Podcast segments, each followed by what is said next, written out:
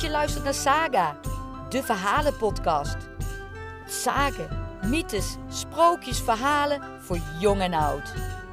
Een verhaal voor het slapen gaan, onderweg, lekker lui op de bank, het maakt niks uit. Sluit je ogen en luister.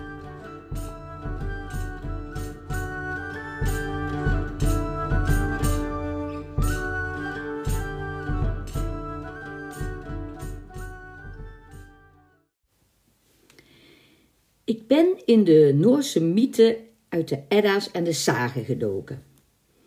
Mythes, dat zijn verhalen waar vaak goden, helden, vreemde wezens, zeg maar mythische figuren, centraal staan. En de Edda, dat zijn verhalen, dat kan literair of mythologisch zijn, van voorouders doorverteld, met name uit noordelijk Europa. De Noorse mythe die begint met het ontstaan van de wereld en eindigt met de ondergang en gelukkig weer met een nieuw begin. Ik moet wel zeggen dat de vele namen en termen me duizelen, maar de verhalen die hebben zoveel magie en aantrekkingskracht dat ik er toch graag veel meer van wil weten. Nu ben ik ook een Scandinavië-liefhebber en ik snap dan ook dat uit dat ruige, ruwe landschap, het klimaat, de natuurkrachten die je daar hebt, als je dat dan ook vergelijkt met het zonnige Europa, waar bij wijze van spreken het fruit zo voor het plukken hangt, deze magische figuren voorkomen en ook dit soort verhalen voorkomen. En met magische figuren bedoel ik dan ook bijvoorbeeld reuzen, dwergen, goden. Dat het land gemaakt is van het lichaam van de ijsreus, wordt bij het beginverhaal verteld. En de zon en de maan in vliegende karren door de lucht razen, dat goed en kwaad tegen elkaar vechten. Bomen de tijd van leven symboliseren en dat er een heilige brug, een soort regenboog is, die naar Asgard gaat. En is dan het rijk van de goden. Er zijn meerdere rijken, maar dat komt later wel. Het verhaal dat ik nu ga lezen, dat gaat over Odin. Odin is de zoon van Bur. En Odin is ook wel bekend als Wodan, de hoogste, heiligste god, die natuurlijk woont in Asgard. Laat me weten wat je hiervan vindt, want dit is natuurlijk heel anders dan de zagen die ik daarvoor heb voorgelezen. Dat kan je doen via deze podcast, via de mail die erbij staat en eventueel via de website. Veel plezier met Odin.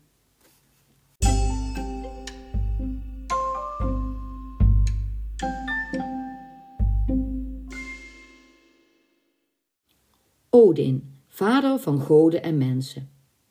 Odin, Wotan of Wodan, was de hoogste en heiligste god van de noordelijke rassen. Hij was de alles doordringende geest van het heelal, de verpersoonlijking van de lucht, de god van universele wijsheid en overwinning en de leider en beschermer van vorsten en helden. Daar men veronderstelde dat al de goden van hem afstamden, had hij de bijnaam Alvader. En als oudste en opperste onder hen bezette hij de hoogste zetel in Asgard. Bekend onder de naam Hildskjalf was deze stoel niet alleen een verheven troon, maar ook een geweldige wachttoren van waar hij de hele wereld kon overzien en met een enkel blik in ogenschouw nemen alles wat er gebeurde onder goden, reuzen, elfen, dwergen en mensen. Odins persoonlijke verschijning. Niemand dan Odin en zijn vrouw en tevens koningin Frigga mochten deze zetel gebruiken. En als zij erop zaten, dan keken zij meestal naar het zuiden en het westen, het wit van alle verwachtingen en tochten van de noordelijke volken. Odin, die werd meestal voorgesteld als een groot, sterk man, ongeveer 50 jaar oud, het zij met donker krullend haar of met een lange grijze baard en kaal hoofd. Hij was gekleed in een grijs gewaad met een blauwe kap en zijn gespierd lichaam was gehuld in een wijde blauwe mantel met grijze spikkels. Dat was een beeld van de lucht met haar wollige wolken. In zijn hand had Odin dan doorgaans de speer Gungnir, die altijd trof en die zo heilig was dat een eed bij haar punt gezworen nooit gebroken kon worden, en aan zijn vinger of arm droeg hij de wonderbaarlijke ring Draupnir, het zinnebeeld van vruchtbaarheid, boven vergelijking waardevol. Als hij op zijn troon zat of tot het gevecht was gewapend, want dikwijls daalde hij naar de aarde af om daaraan deel te nemen, dan droeg Odin zijn adelaarshelm. Maar als hij vreedzaam over de aarde ging in menselijke gestalte om te zien wat men daar uitvoerde, dan droeg hij doorgaans een breedgerande hoed, laag over zijn voorhoofd getrokken, ten einde het feit te verbergen dat hij maar één oog had. Twee raven, Hugin, de gedachte, en Munin, geheugen, zaten op zijn schouders als hij op zijn troon zetelde, en, op, en deze raven zond hij elke morgen de wijde wereld in, met spanning wachtend op hun terugkeer tegen de avond, wanneer zij hem in het oor fluisteren alles wat zij gezien hadden en gehoord. Zo werd hij goed op de hoogte gehouden van alles wat op aarde gebeurde. Aan zijn voeten hurkten twee wolven of jachthonden, Geri en Freki, dieren die daarom als heilig beschouwd werden en als goede voortekens wanneer men hen op weg tegenkwam. Odin voederde deze wolven altijd met zijn eigen hand en met vlees dat voor hen was neergezet. Hij wilde zelf geen voedsel en proefde zelden van iets behalve van de heilige mede, godendrank. Als hij in statie op zijn troon zat, dan liet Odin zijn voeten rusten op een voetenbank, een voetenbank van goud. Het werk van de goden, wier meubelen en werktuigen alle gemaakt waren of van dat kostbare metaal of van zilver. Behalve de prachtige hal, waar de twaalf zetels stonden, waarop de goden zaten wanneer zij vergaderden, en de, het kasteel waar zijn troon stond, die Hildskjalf, had Odin een derde paleis in Asgard, gelegen in het midden van het wondervolle bos Glazier, waarvan de glanzende bladeren van rood goud waren.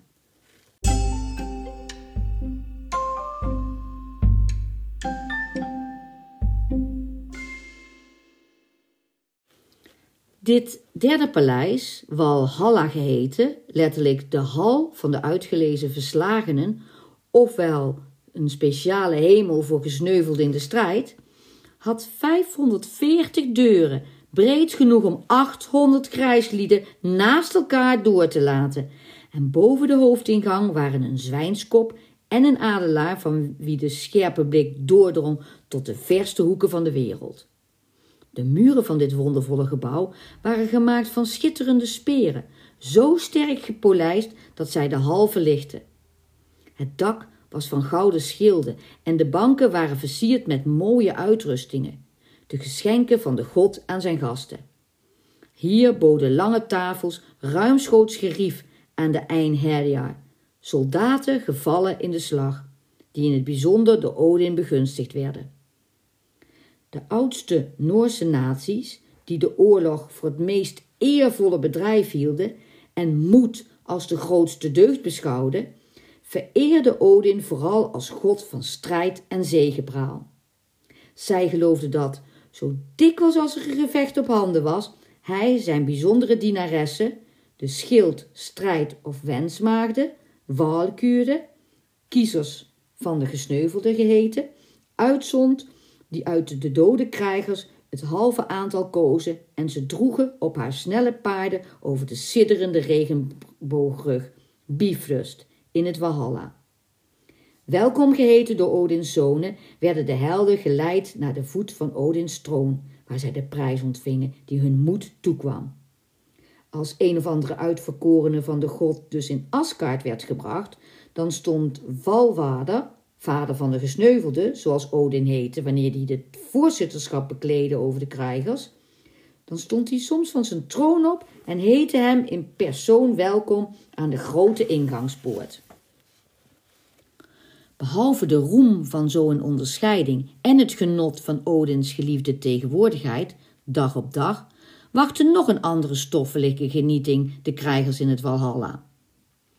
Een, een onthaal aan lange tafels, waar de schone maagden met hun blanke armen, de waalkuren, hem met nauwgezette ijver dienden, nadat zij hun wapenuitrusting hadden afgelegd en zij zich in zuivere, witte klederen hadden uitgedost. Deze maagden, negen in getal, Volgens sommige bronnen brachten de helden grote horens met heerlijke mede gevuld en zetten zij hun enorme porties wild zwijnvlees voor, waarvan zij lekker smulden. De gewone Noorse drank was bier, maar onze voorvaderen vonden dit drinken te gewoon voor de hemelse sfeer. Zij verbeelden zich dus dat Walvader zijn tafel ruim voorzien had van mede, oftewel honingwijn, die dagelijks in grote hoeveelheden door zijn geit Heidrun werd geleverd. Ze aten ook het vlees van het goddelijke everzwijn, dat dagelijks geslacht werd door de kok en gekookt in een grote ketel. Maar hoewel de gasten van Odin echte Noorse eetlust hadden en tot verzadiging toe aten, was er altijd vlees genoeg voor allen. Bovendien was de voorraad onuitputtelijk, want het wilde zwijn kwam altijd weer in het leven terug, voor het uur van de volgende maaltijd. De wonderbare vernieuwing van voorraad in de provisiekamer was niet de enige miraculeuze gebeurtenis in Walhalla. Want men zegt dat de krijgers tot verzadigd worden toegegeten en gedronken te hebben, altijd naar hun wapens vroegen, zich uitrusten en naar het grote hofplein reden, waar zij tegen elkaar vochten en de wapenfeiten herhaalden, waardoor zij beroemd werden, waren geworden op aarde. En dat ze elkaar roekeloos vreselijke wonden toebrachten, die echter op wonderbaarlijke wijze totaal waren genezen zodra de etenshoorn klonk. Honkedeerd en gelukkig als de hoorn klonk en zonder elkaar wrok toe te dragen om de harde stoten die men had gegeven te ontvangen, reden de Einherraar opgewekt naar Walhalla terug, om in Odins lieflijke bijzijn hun feesten weer te beginnen, terwijl de walkuren met hun witte armen en wuivend haar bevallig rondzweefden en telkens weer hun horens of hun geliefkoosde drinkschalen de schedels van hun vijanden vulden, terwijl de skalden zongen van oorlog en van ontroerende vikingstochten. Terwijl zij dus vochten en feest vierden, brachten de helden hun dagen in volkomen geluk door, terwijl Odin genoegen had in hun kracht en aantal dat echter, dit verzag hij, zijn val niet had kunnen voorkomen als de dag van het laatste gevecht aangebreken zou.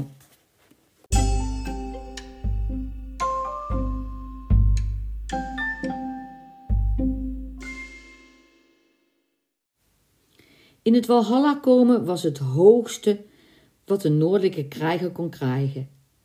En het was zeer natuurlijk dat alle krijgslieden Odin moesten liefhebben en vroeg in hun leven zich moesten wijden aan zijn dienst. Zij beloofden dat zij zo mogelijk zouden sterven met de wapens in de hand en verwonden zelfs met hun eigen speren zichzelf als de dood naderde, wanneer zij ongelukkig genoeg waren geweest de dood op het oorlogsveld te ontgaan en bedreigd werden met een strooie dood, zoals zij overlijden aan ouderdom of ziekte noemden. Tot loon voor deze toewijding waakte Odin met bijzondere zorg over zijn gunstelingen, gaf hun geschenken, een toverzwaard, een speer of een paard, en maakte hen onoverwinnelijk totdat hun laatste uur gekomen was, als hij zelf verscheen om op te eisen of te vernietigen de giften die hij had geschonken en de walkuren de helden naar Walhalla droegen. Als Odin een werkzaam aandeel had in de oorlog, dan bereed hij meestal zijn achtbenig grijs paard Slijpnier en droeg een wit schild. Zijn schitterende speer over de hoofden van de strijders geslingerd, dat was het teken dat het gevecht zou beginnen. En hij stormde dan in het midden van de geleerden en schreeuwde zijn oorlogskreet: Odin heeft u allen! Soms gebruikte hij zijn toverboog, waarvan hij tien pijlen tegelijk kon schieten, en elk pijl velde zonder missen een vijand neer. Ook veronderstelde men dat Odin zijn begunstigde krijgers de beroemde berserkerwoede, een berserker naakthemd, gaf, die hen in staat stelde, hoewel ze naakt waren, zonder wapens en geheel omsingeld, ongehoorde daden van moed en kracht te verrichten en als door toverkracht te ontwijken. Evenals Odins eigenschappen gelijk de alles doordringende elementen, veelvuldig waren ze ook zijn namen. Hij had er niet minder dan 200, die bijna alle een vorm van zijn werken aanduiden. Men beschouwde hem als de oude god van de zeelui en van de wind. Odin in zijn hoedanigheid van windgod werd vaak afgebeeld als midden door de lucht eilend op zijn achtbenig paard, waarvan de oudste Noordse raadsels afkomstig is dat zegt: Wie rijdt er samen naar het gevecht? Ze hebben drie ogen, tien voeten, één staart en zwerven zo de landen door. En daar men meende dat de zielen van de doden werden weggedreven op de vleugels van de storm, werd Odin vereerd als de leider van alle zielen die het lichaam hadden verloren. In deze rol was hij het meest algemeen bekend als de wilde jager, en als de mensen het geruis en het gebulder van de wind hoorden, dan schreeuwden ze luid in bijgelovige vrees en verbeelden zich dat, hij, dat ze hem voorbij zagen rijden met zijn stoet. Allemaal gezeten op snuivende paarden en vergezeld van blaffende honden. En men beschouwde het voorbijgaan van de wilde jacht, bekend als Wodansjacht, ook als voorteken van onheil als bijvoorbeeld oorlog of pest.